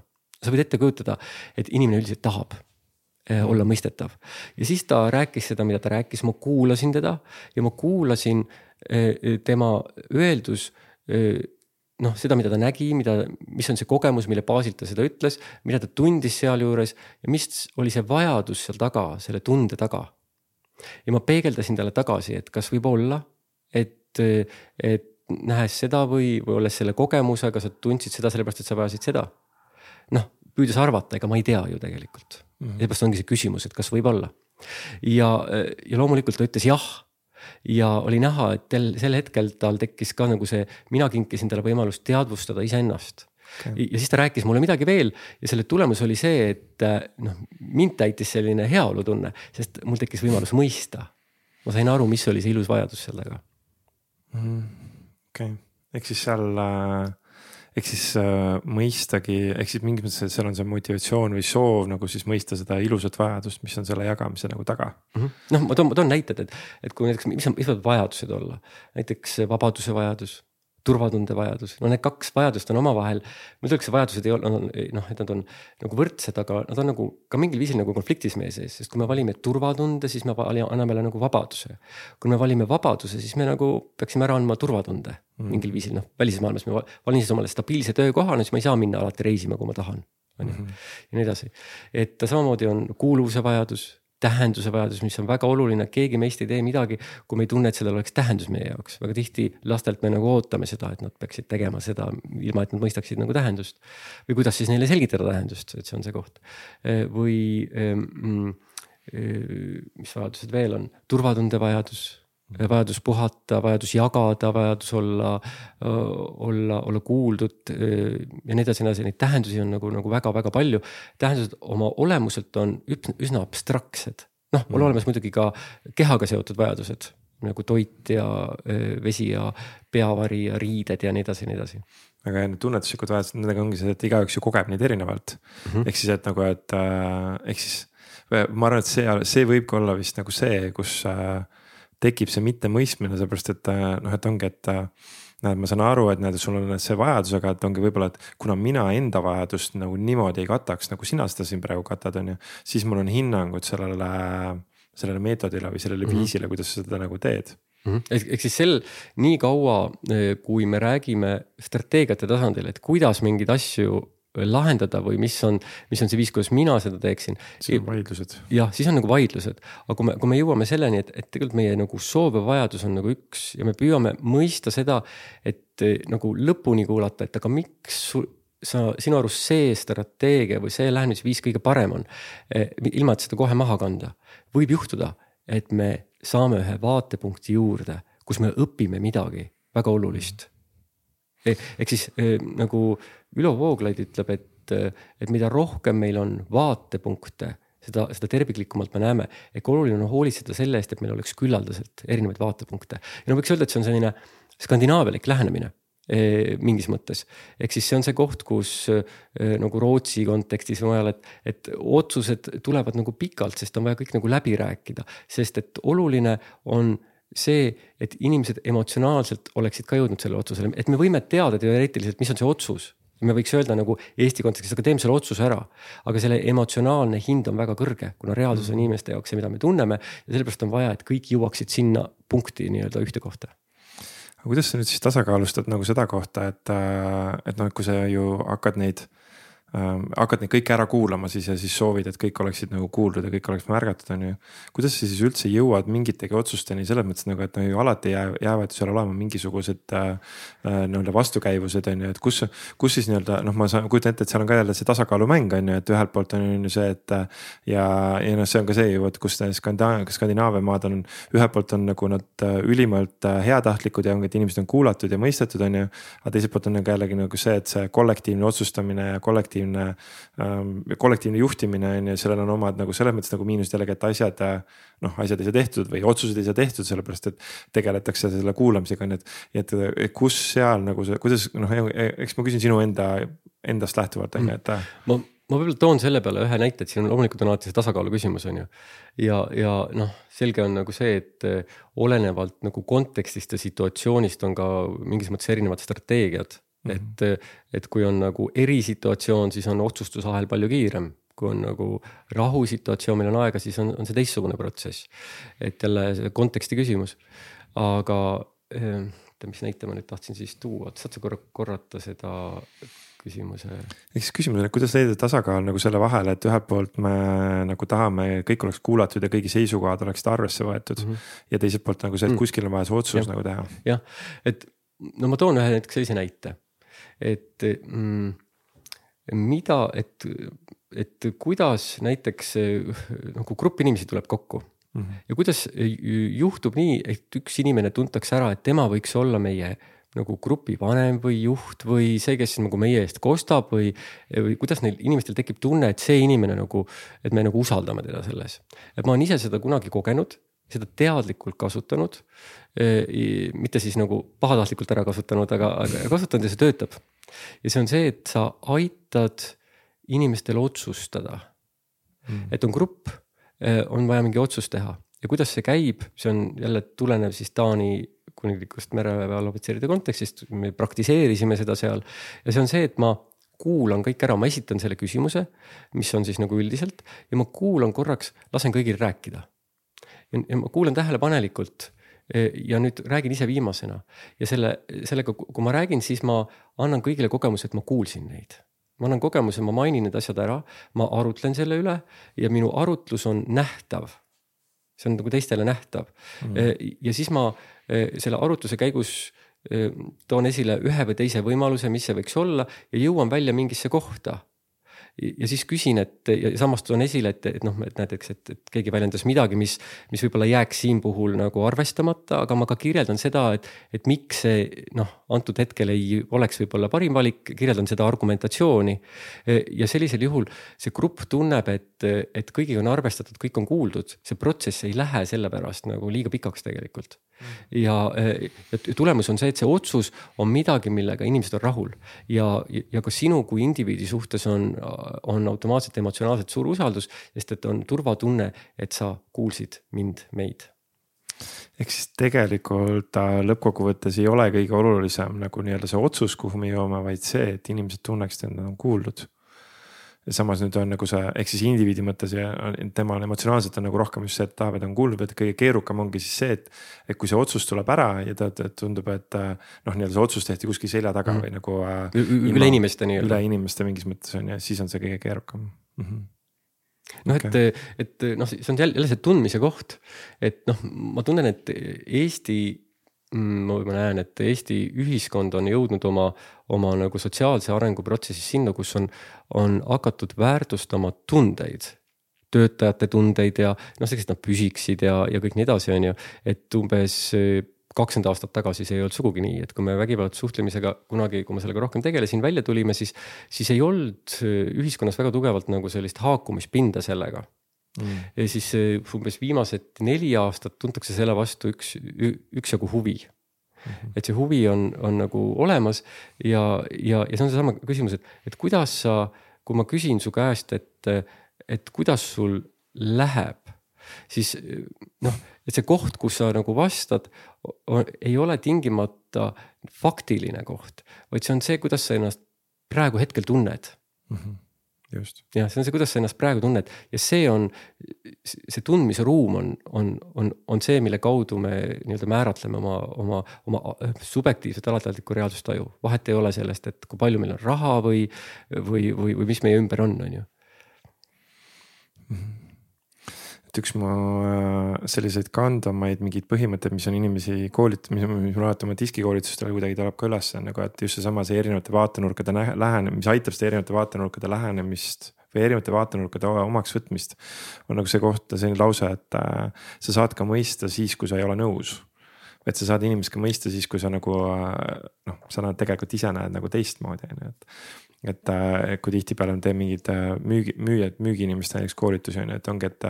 et see inimene tuleb ja ta on närvis, et miks, miks mingi asi ei ole juba lahendatud või miks minu probleem ei ole juba korras on ju, ja siis on. ja siis noh, sa võiksid ju vastu öelda, et kuulge, et noh, te ise, ise nagu, mis te siin kiirustate meid ja nagu meil läheb nii kaua, kui läheb, on ju. või siis sa võid nagu kõigepealt tuua selle mõistmiselemendi, et, et ma mõistan teid, et soovite, et see asi oleks juba valmis. Et ma, ma mõistan teid, nii meil läheb, meil läheb veel praegu nüüd sellega näed nii kaua, nii kaua aega on ju, et ja siis nagu ongi, et see automaatselt nagu ta võtab inimestel nagu need noh, pool, pooled tuurid võtab kohe maha. sest et ta tunneb, et äh, teda on mõistetud nagu. ruum muutub äh, turvalisemaks, see on, see on nagu see koht e,. selle kohta on jälle üks sihuke näide, üks, üks TEDx, mis ma kunagi varasemalt tegin, mäletan, see oli Tallinna noorte TEDx, kus ma rääkisin oma venna loo ja, ja, ja, ja seal oli, meil oli täpselt sihuke dialoog oli, et ma ütlen, temal oli tol ajal oli, oli, oli koolis mingid probleemid ja mu ema ütles, et kas sa saad nagu sellega kuidagi tegeleda, sa oled õppinud erinevaid asju, et äkki sa saad nagu, saad nagu ligi ja saad aidata. ja siis ma ütlesin vennale, et, et ma sooviksin sinuga rääkida et mulle läheb korda, kuidas sul läheb, meil kümme aastat vahet, mina olin siis vanem vend. et ma sooviksin sinuga rääkida sel teemal, et äkki ma saan sind aidata ja tema ütles mulle, et ma ei soovi sinuga sellest rääkida. nii mm., nüüd mis see siis on, selle kohta võiks öelda, et kui keegi ütleb ei, siis see ei tähenda dialoogi lõppu, vaid dialoogi algust. nüüd ma ütlesin, see on siis see, et seisa ühtemoodi jõu, nagu jõuliselt noh, nii-öelda metafooris teise vajaduste eest, teise enda vajaduste eest. ehk ma ütlesin talle, et loomulikult, loomulikult ma ei saa sinuga rääkida, kui sa ei soovi minuga rääkida, ma täiesti mõistan seda aga et kuna mulle on väga oluline, mulle läheb korda, kuidas sul läheb, siis mina ikkagi sooviksin sinuga rääkida. ja ma saan aru, et hetkel meil seda võimalik teha ei ole. kas sulle sobiks, et me lepime kokku mingi aja, millal me võiksime rääkida? loomulikult selleks, et must lahti saada tol hetkel teismelisena, siis me leppisime kokku aja ja ma olin, mul oli täiesti selge, et see on usalduse ehitamise protsess, mis võib võtta mõnda aega ma olin selleks valmis, ehk siis see on nagu see pikaajaline, pikaajaliselt nägemine. ja loomulikult ta ei ilmunud kohale ma ei saanud pahaseks, just kui ma nägin teda järgmine kord, ütlesin, et, et kuidas sul on, kas sa nüüd tahaksid minuga rääkida sel teemal, sest ei, ma ei taha sellest sinuga praegu rääkida, ma ütlesin, ma saan täitsa aru. kui sa ei soovi minuga sellest praegu rääkida, sest ma ei saa sinuga ju siis sellest rääkida. aga kuna see on mulle väga oluline, siis ma ikkagi väga sooviksin, me leppisime aega kokku minu arust peaaegu kuu aega. ja siis lõpuks tekkis turvatunne, ta sai aru äh, nagu alateadlikult, et, et ma ei sõida tast üle ei kasuta seda power over'it nii-öelda, vaid et ma olen temaga kaasas ja, ja, ja ma kuulan teda ja, ja siis ta ütles lõpuks ta hakkas naerma. sa kuuled seda, sa kuuled seda, et ta ei taha sinuga kokku saada. jah, ta, ta ei taha minuga rääkida sellel mm. teemal. sest tal on nagu see tunne, et ma noh, kuidagi hakkan survetama, hakkan tema eest otsustama midagi või noh, mis iganes seal taga on, on ju. ja siis lõpuks ta hakkas naerma, kui ma seda jälle küsisin, ta hakkas, ta hakkas naerma. ja seal tekkis nagu see lõdvestumine, ta juba teadis, noh, mida ma järgmisena ütlen. ja siis ta ütles, et olgu, olgu, räägime noh, ja see, mida ma tegin, oli see, et ma küsisin, et, et aga, et millest sa unistad? Sest noh, selleks, et liigutada nagu inimese isiklikku maailma, tema väljakutsete koha pealt, et panna teda nagu, et ta võiks hakata käituma, on vaja ju luua isiklikku motivatsiooni ja see pole üldse oluline, mis minu arust on tema jaoks õige unistus. vaid tähtis on see, et sel hetkel on tema jaoks see nagu unistus, mille tulemusel me paratamatult jõudsime välja sinna, et aga mida siis on vaja teha selleks, et sinna liikuda. siis ta sai aru, et mul on vaja koolis teha asjad korda, aga mis sul seal siis on? no ma ei teagi täpselt, siis ta uuris jälgi ja siis sai teada, et ei olegi midagi väga hullu. ja sai need asjad korda, sest tal oli isiklik motivatsioon aga, aga see on see protsess, see on see protsess, kuidas noh, näiteks sinna jõuda, et see oli lihtsalt näide nagu perekonna sees, kus, kus noh, see võttis aega. aga, või, või noh, teine näide, et kunagi ma juhtisin ühte teadusprojekti Tallinna ja Tartu Ülikooli vahelist mm, mis on sotsioloogia valdkonnas ja, ja siis seal oli situatsioon, kus mul oli vaja ühte inimest kaasata andmeanalüüsi tegemiseks, sest ta oli lihtsalt väga hea ja ma küsisin, kas ta saaks tulla sellesse projekti ja ta ütles, et ma kahjuks ei saa. Võiks öelda, et noh, siis ei saa. Ja ma ütlesin, et, et sul on ilmselt mingi väga hea põhjus. miks sa ei saa äh, tulla, osaleda. ta ütles jaa, et mul on üks ülikooli töö ja ma ei ole selles kõige tugevam. ja et, noh, ma, ma tunnen, tunnen, et ma pean selle jaoks võtma aega, et see on oluline, et ma selle tehtud saan. siis ma kuulasin ta ära, ma ütlesin, aga tead, et mul on üks ülikoolikaaslane, kes on selles väga hea. et äkki ta saab sind aidata. et kuidas sul siis on? Ja siis ta ütles, et, et no ja ma ütlesin ka, kes see on, ta teadis seda inimest. ja ma teadsin, et see inimene on nagu väga noh, nagu avatud ja, ja sihuke pigem nagu hea meelega aitab ja toetab. ja siis ta ütles ja, et kui tema saab mind aidata, siis ma saan küll sind aidata. ega see võida, võidan, võidan lahendus, alati ei lähe nii, alati ei pea teised nagu, me ei saa eeldada, et teised ütlevad jah. sest kui me läheme küsima kellegi käest ja eeldame, et ta ütleb jaa, aga sisimas eeldame siis, et on jaa, aga ta ütleb ei, siis mis siis juhtub? Me kogeme pettumust, mis tähendab seda, et kui me kogeme pettumust, siis nähtamatu osa kommunikatsioonis on meie tunded. see on see nähtamatu osa, mida me tegelikult adume ja kui me nüüd tajume seda teise ootust, siis üks või teine inimene võib teha selle koha pealt kompromissi, aga kompromisside hind on väga kõrge. suures perspektiivis, see on nagu anum, mis hakkab koguma tilk tilka haaval, kuni ühel hetkel ta plahvatab mm. -hmm nii palju häid mõtteid, nii palju häid seoseid ja ma hästi tänulik nende näidete ja lugude eest ja nende lausete eest, mis sa seal nagu päriselt ütled, et. ma mäletan ise kunagi, mul oli niimoodi, et äh, ma lihtsalt ei tea, mida öelda ma ei oska neid lauseid ja siis äh, kasvõi sa praegu sa ütled sellise lause, et noh, et sul on kindlasti väga hea põhjus, miks sa praegu ei saa. ja sa ütled seda sellise siira, mitte, mitte nagu sarkastiliselt on ju irooniaga mm., et noh, et ah noh, noh, mis, mis su see hea põhjus sul siis on, on ju. vaid et ongi, et siiralt, et nagu, et sul on kindlasti väga hea põhjus ja siis sel hetkel on ka teisel nagu hästi lihtne vastata jällegi. ja sest see on, see on nagu, see ei ole mitte väide, vaid see on nagu samal ajal küsimus. millele, millele järgneb nagu vaikus mm. -hmm. siis ootad. okei teeme korraks sellise väikse teema, veidi tundub nagu teema kannapöörde, aga ma, ma kahtlustan, et see läheb ka tegelikult, äh, jätkab veidi meie olemasolevat teemat, et. et tegelikult üldse, kuidas mina algul nagu võib-olla isegi rohkem, millega mina sind rohkem seostasin, on just äh, igasuguste lugude ja muinasjuttude äh, rääkimine ja vestmine et ja sa isegi hiljuti vist kirjutasid just mingi artikli nagu ka seal või ma nägin mingit pealkirja seda teemat just, et muinasjuttude rollist Äh, tänapäevases maailmas, et nagu, et mis, mis värk sellega on, et täiskasvanu mees ja mingid muinasjutud ja asjad, et nagu, et kuidas.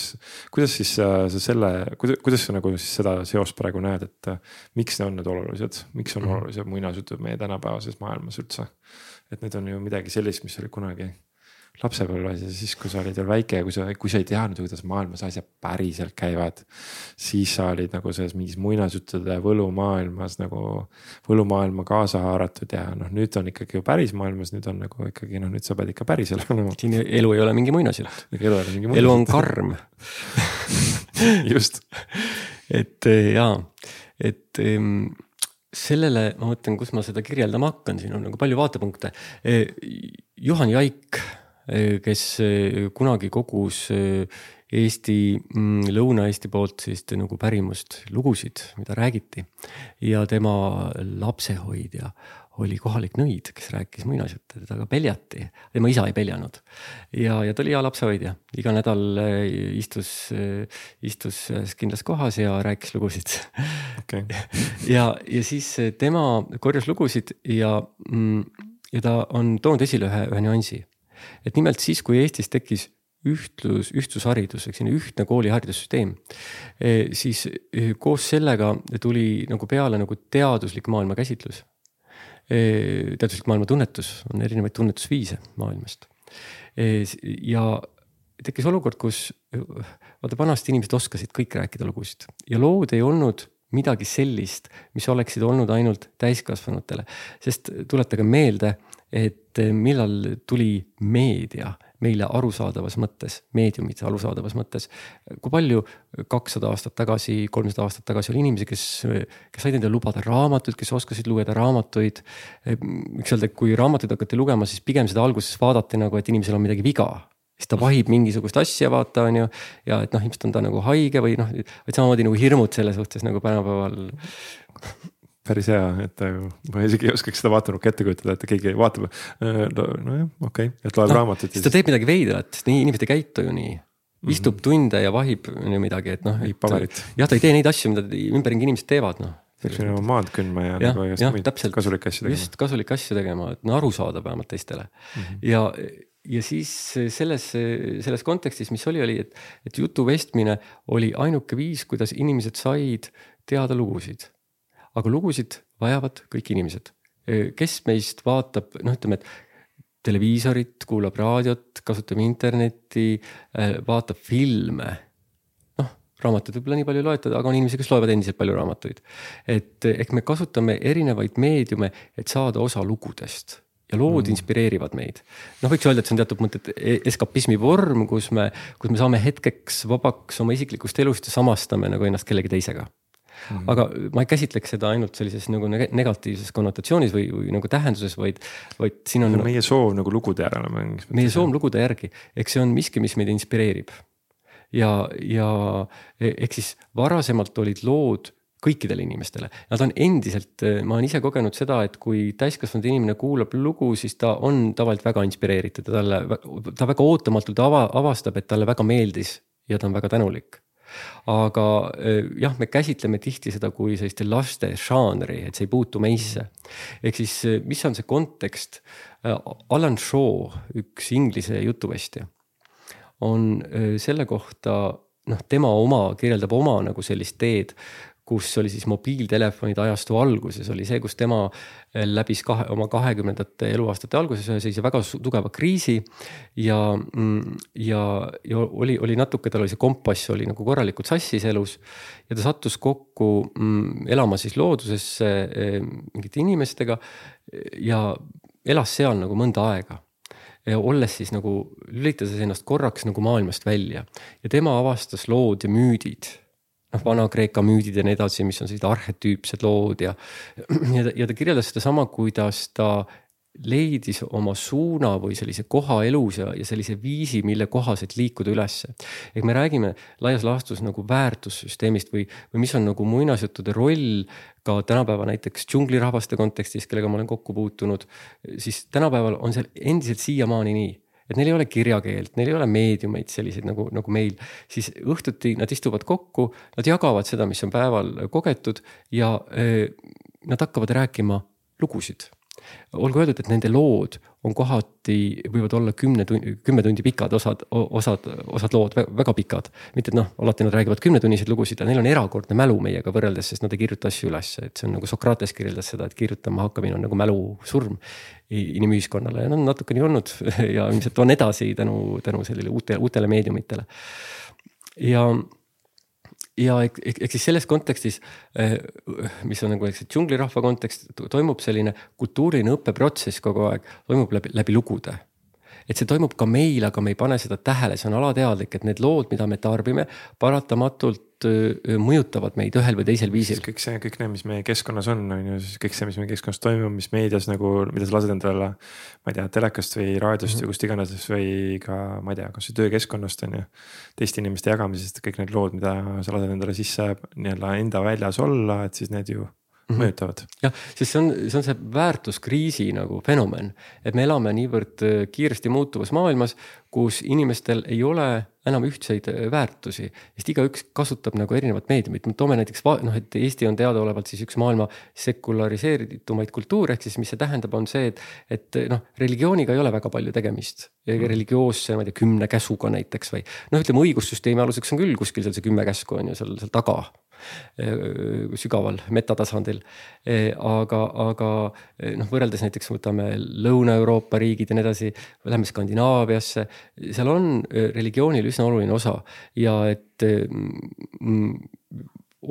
ma, ma nii-öelda ei räägi nagu sellest seisukohast, et religioon on halb või hea, aga paradoks on see, et see loob nagu inimestele sellise ühtse väärtusruumi, e, e, mille kohaselt me nagu, tekib teatav turvatunne, me, see reguleerib meie omavahelisi suhteid mingil viisil, kuidas me suhtume. E, kuidas me nagu saame usaldada teist inimest ja nii edasi ja nii edasi. et Eesti kontekst on see, et meil ei ole seda ja, ja, ja selle tõttu on ka see väärtuskriis nagu mingil viisil suurem ja, ja see disorientatsioon individuaalsel tasandil. ehk siis kogu aeg on see küsimus, et mille alusel teha otsuseid muutuvas maailmas e,. siis lood ja muinasjutud on need, mis, mis aitavad meil nagu leida ühe, üles sellised üldinimlikud üldinimliku väärtustasandi, mis on ju aastatuhandeid kandnud, loomulikult on lugudes ka selliseid selliseid nähtusi või selliseid viise, kus me saame aru, et noh, maailm on nii palju muutunud, et me selle järgi, eh, kui püüaks liikuda, siis me läheme nagu konflikti ümbritseva maailmaga. Ehk siis lugude mõte on mingis mõttes nagu kanda edasi siis nii-öelda mingeid väärtuseid, mingeid väärtushinnanguid, väärtussüsteeme. ja inspireerida meid, inspireerida, inspireerida nii-öelda nende strateegiate osas, kuidas reageerida ühes või teises olukorras, sest igale nagu loole on omane mingi konflikt, mis seal on ja siis iga kultuur pakub oma, oma lugude kaudu sellele konfliktile mingisuguse lahenduse, mis on siis selle kultuuri heade tavade, normide ja, ja nende kohaselt siis nagu sobiv lahendus mm. -hmm. me siin just eelmises äh, saates äh, Palva Vernikuga rääkisime nagu sellest, et kuidas nii-öelda see konflikti faas on tegelikult hästi oluline faas nagu selles äh, äh grupi dünaamika nagu kujunemises või grupiprotsessides, et, äh, et ongi, kuna seda konflikti faasi nagu ei lubata, äh, et siis, sest et sellega ei osata hakkama saada et siis tegelikult see loob ka, see, takistab tegelikult ka nagu sellise koostööühiskonna nagu loomist. et, et ongi kõigepealt on, et kui seal on see esimene oli see armumisfaas, kui ma ei eksi, siis on see konflikti, noh ongi konfliktifaas, konfliktifaasi, kui seda ei luba, on ju, siis. ei, ei saa edasi liikuda sinna järgmistesse faasidesse, kaasa arvatud sellesse koostöösse. et eks ma saan aru, et see lugude pool, et siis see ka kuidagi toetab noh, nii-öelda, et aitab siis nii-öelda neid konflikte siis nii-öelda annab nendele mingisuguse kont- või noh, mingisuguse äh, raamistiku või, või no mingi jah, mingi puhvri siis nagu ümber nagu mingis mõttes, et toetab nende lahendamist. jah, toetab nende lahendamist, noh, sest et. et ta nagu normaliseerib mingis mõttes seda, et näed, näed, et näed, tema arvas nii, tema arvas naa, on ju, et oligi nagu, oligi mingis mõttes nagu tülli minek. ja see oli okei okay, ja siis nad töötasid sealt läbi ennast näed mm. niimoodi ja näed, siis nad jõudsid sellise lahenduseni ja näed, nüüd on palju ilusam kõik. ja see on selline teatud mõttes ka õiglusarusaamade küsimus sest noh, suures pildis me räägime ka erinevat tüüpi vägivallast või mida me käsitleme vägivallaga, et vägivallana.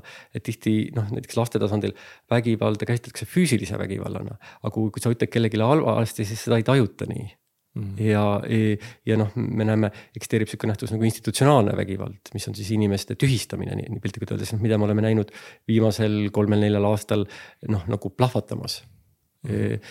ja, ja see on jälle mingi, mingi periood, et aga selle, mis sa nagu esile tõid, oli mingisugune seos oli selle koha peal, aga praegu läks lendu veel mm. -hmm. et ehk siis nagu see, et see konflikt kui selline on tegelikult äh, loomulik osa. jah, see konflikt on, on nagu loomulik osa ja siin on isegi üks selline ütlus on, et, et noh, nagu paarissuhte teraapia koha pealt või sellisest nõustamise seisukohast, et et psü-, psü-, psühholoogia kontekstis, et kui mõni paar ütleb, et neil ei ole probleeme, siis see siis on nagu küsimus, kas nad midagi varjavad või midagi seal on nagu peidus, sellepärast et küsimus ei ole selles, et, et, et inimestel ei ole nagu vahepeal konflikte või probleeme, küsimus on selles, kuidas me oskame neid lahendada. Mm.. et see on nagu pigem noh, me tahaksime kõik ideaalis noortena sellist, sellist suhet, kus me mõistame üksteist täielikult, teine pool tahab meid kuulata ja, ja, ja, ja, ja kõik see, et me tunneme, oleme mõistetud ja me oleme koos ja me oleme peaaegu nagu sellised sõbrad ja meil on kõik väga hästi aga paratamatult on, on, on elu osa see, et, et seal tekivad need erimeelsused, eriti mhm. kui, kui lapsed tulevad ellu, eks ole, siis on see, et kuidas kumbki saavad oma baasvajadusi, erinevaid vajadusi rahuldada, tekib see konkurents nii-öelda sellel, sellel teemal, et kes siis laste eest võtab erinevatel hetkedel rohkem vastutust. et eh, siis on see, see oskuse küsimus. kuidas sa ise nagu oma elus, et oma abikaasaga ja üks laps tahaks öelda. üks laps jah. et, et selles kontekstis, et kuidas ise nagu oled nii-öelda, kui sa noh, vaata ongi vahepeal endal ka ma olen nagu näinud koolitajana mõnikord on nagu hästi tobesed, nagu saan aru, et noh, et et noh, käitun ise mingit moodi, saan aru, et tõenäoliselt oma koolitusel ma või noh, ütleme just olen võib-olla mingi coaching ul kellelegi inimesele midagi soovitanud, siis ma saan aru, et hea küll, ma saan aru, ma ise praegu ei tee seda. või noh, et või mõnikord on täpselt see, et ma, ma teen, teen ja siis keegi peegeldab mulle minu enda sõnu nagu tagasi nagu ütleb, et kuule Kaido, aga mis sa arvad, et näed, siin keegi tark mees ütles mulle ühel hetkel, et. Nad võiksid sellist asja nagu meeles pidada, et kuidas see tundub praegu. ma olen hästi tänulik selle üle alati, kui äh, sõbrad tagasi peegeldavad niimoodi, et noh, toovad selle, räägivad sellest targast mehest ja siis ma olen hästi tänulik, et, et igas kontekstis ei tule meelde. ja, ja, ja tõsi on see, et, et siis, kui meil oli kõik nagu üsna kenasti suutsime nagu üksteist kuulata ja hakkama saada, niikaua kui äh, laps ei olnud sündinud aga, aga, aga selge on see, et noh, nimelt elu on protsess, et me tegeleme kogu aeg praegu uute asjade õppimisega mm. -hmm. sest et kui noh, väikese lapsega on ju see, et äh, see uneaeg on sul, ei ole nagu nii nagu enne. Ja, ja see mõjutab otseselt meie närvisüsteemi ja hormonaaltalitust ja nii edasi, ehk siis sellist tundlikkust ja empaatiavõimet ja, ja nii edasi. ja, ja ma ise kogen sedasama, et, et, et ma vaatan, kuidas me vahest mingeid asju lahendame ja siis ma ütlen, et kuidas see võimalik on. et nagu sel hetkel ma seda ei taba aga lihtsalt, kui see ongi see intensiivsuse sees ja see on hästi hea, see on nagu kainestav, sest need kogemused on, toovad nagu selle reaalsuse kohale, et, et millega me siis inimestena tegelikult kokku puutume. et, et kui, et kui me räägime nagu teoreetiliselt ja ideaalis asju siis kõik on nagu väga lihtne noh, oluliselt lihtsam, aga me tihti unustame ära emotsionaalse konteksti, jälle seesama koht, et inimestena me oleme emotsionaalsed olendid, mitte ratsionaalsed olendid. Mm -hmm. ja nüüd see on see isikliku nagu see teadlikkuse koht, me just eile ühe, ühe sõbraga jagasime seda ja siis ta ütles sedasama koha, mida ma ise olen ära tundnud, et, et nagu päris hea on juba see, et kui tekib see mingi see konflikti faas ja kus hakatakse üksteisele nagu ütlema mingeid asju, kus noh, tegelikult keegi ei kuule enam kedagi ja noh, ja siis nagu pidurit ka ei suuda nagu vajutada ja no hea on, kui väga halvasti ei ütle, sest seda naela enam sealt seinast, noh, naela tõmbad välja, aga auk jääb ikka sisse, on ju, vabandad, on ju, aga noh, auk jääb ikka, ütlesid halvasti, et parem on mitte öelda. et, et kui tekib see koht, kus sa näed ennast kõrvalt järsku kus sa näed kõrvalt, et mis toimub praegu. aga sa ei suuda veel nagu pidurit vajutada, aga juba nagu tekib sihuke väike pidurdusruum ilmselt äh, mingid järgnevad laused jäävad ütlemata, suudad sellest nagu välja astuda. et see on juba nagu esimene teadlikkuse koht. Okay.. eks see on teekond, see on seesama koht, et, et mm, nagu Kanti ütleb, on ju, et noh, milles seisneb vabadus, mulle meeldib tema vabaduse käsitlus, et ütleb, et vabadus seisneb vabaduses teha vigu, sellepärast et see noh, selles meie, see on osa meie vabadusest ja, ja, ja see, et me, me lubame endalt teha vigu, me ka suhtes, me mõistame, mille poole me püüdleme, aga me mõistame, et me alati seda ei suuda. Ja me, ja me anname ka selleks ruumi, aga me proovime nii palju kui võimalik ikkagi vastutust võtta oma isikliku kogemuse eest. Ja mis see tähendab siis, see on nagu mm, jälle Põhja-Ameerika, Lõuna-Ameerika kontekstis öeldakse, et, et see on see sõdalase kvaliteet, sisemine sõdalane.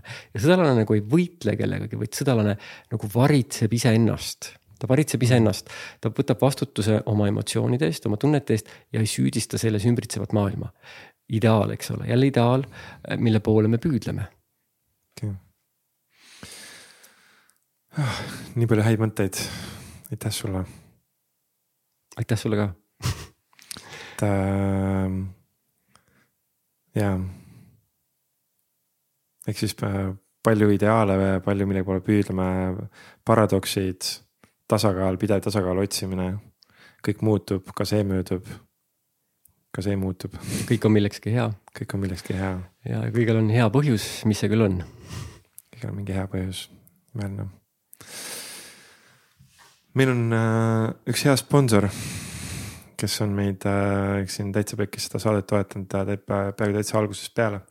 ja siis nad annavad välja selliseid erinevaid ägedaid raamatuid, kirjastuse nimi on Million Mindset. Ja siis nad võtavad enda, on võtnud enda sellise südameasjaks, et tõlkida eesti keelde sellist ägedat kirjandust, mida nagu, millest võiks inimestel abi olla. ja siis äh, oleme ikka andnud äh, kingituseks äh, ühe raamatu ka igale külalisele kaasa, et siis äh, sulle ka siin äh, korraks valik, valik ette panna et, äh, et viska korraks pilk üle, et, äh, et ja tunneta siis, et mis, mis võiks olla see, mis võiks sind täna kõnetada, et mis, mille, mida sooviksid endaga koju kaasa võtta siit? -hmm. kõik raamatud tunduvad väga põnevad. ahah. ahah, et vaata, mis siin siis on, siin on liit eh, liitvõimendus, sinu sissetulekute, elu ja edu Eh, kiirkäivitaja mm. -hmm. Miljonäri mõtteviisi saladus ja eh, suhtlemissaladused, mis muudavad sind eh, heast võrratuks. siin on ka midagi või? veel üks. ei ühtki einet üksi ja teisi nippe, et suhte loomise abil edu saavutada. ütleb millegipärast see raamat tõmbab, sest siin on selline raamat nagu Leia oma miks oskad sa sellest rääkida? See on äh, üks väga äge mees, äh, see Simon Sinek, et. et ta, ta on nagu teinud ka, ehk siis kusjuures nagu uh, funny enough, aga just täna rääkisin ühe mehega, kes uh, korraldab meestelaagreid ja siis ta küsis mu käest, et äh, nii-öelda, et noh, et ma jagaks ka, jagaks seda infot ja siis ma ütlesin, et äh, võin, et ütleme, et. aga noh, tee mingisugune äge video või nagu mingisugune noh, et räägi sellest kuidagi, räägi, et noh, mis see siis on ja siis ta jagas mulle ja siis, äh, ja siis seal ta, see, kuidas ta sellest rääkis, oli see, et. et on toimumas nüüd selline asi, näed, seal me teeme näed seda ja seda ja seda, seda, seda on ju. ja siis mul oli, et okei okay,, nagu tore. et äh, ja see on nagu see, millest see Simon nagu täpselt räägib, et me kipume rääkima, mida me teeme. mida, mitte seda, miks me seda teeme see tähendus nii-öelda. see, mis see tähendus seal taga on mm sest, et inimesi tegelikult ei käivita niivõrd nagu see tegevus ise, vaid neid käivitab just see emotsioon seal taga mm -hmm. või see tunnetus mm -hmm. taga ja siis. siis see Simon on nagu hästi, on tal ta on nagu kuidagi saanud mingile tuumale seal nii hästi pihta, et oskab seda oma, ma olen ta erinevaid nagu neid äh, videosid Youtube'is ka vaadanud ja mm -hmm. raamat on ka hea, et just, et see leia see oma see miks, et ta.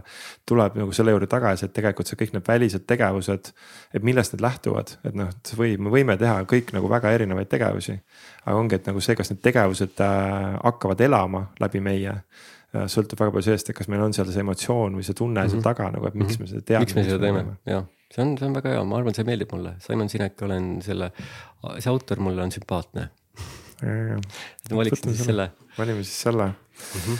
et äh, ja, aga võtame siis tänaseks oma jutu kokku, et äh, täiega veel suur, veel kord suur tänu sulle nagu tulemast, et meil on, äh, annan ka meie patreon.com äh, kaldkriips täitsa pekkis äh, ja nende La Familia paketi tellinutele teada, et, äh, et salvestame siin äh, Erkiga ka ühe veel ühe lisamaterjali, siis ütleme, jäägu see siis praegu üllatuseks, et need, kes on La Familia paketis sees, et te saate juba seal Patreonis sellele täna ligi, kui te seda kuulate. et, et siis saate sealt nagu kuulata veel, Erki juhendab meid sealt läbi ähm, jah, jäägu, jäägu see üllatus, millest et äh, aga ja, et äh, igatahes aitäh sulle. Erki Kari ja väga-väga vägev äh, teine nimi, ma, ma tean, kusjuures äh, jällegi nagu funny enough nagu vaata kõik asjad on omavahel seotud veidi mm. on ju. aga minu äh, see minu lapsepõlve kodus, kus ma elasin oma esimesed põhimõtteliselt kakskümmend eluaastat. elas mees korruse allpool, elas mees nimega Kari ja siis tema poeg oli noh, siis meie, minu noorema venna sõber, aga et mm. ühesõnaga, et, et, et see, see on nagu ainus teine kari, keda ma üldse kunagi kuulnud olen. ma pean ütlema, et ma ise ka ei tea ühtegi jah, aga et seal on täitsa, täitsa olemas, et just ka vaatasin kari ja siis ma, ma tean ka ühte karit, et nagu, et täitsa olemas.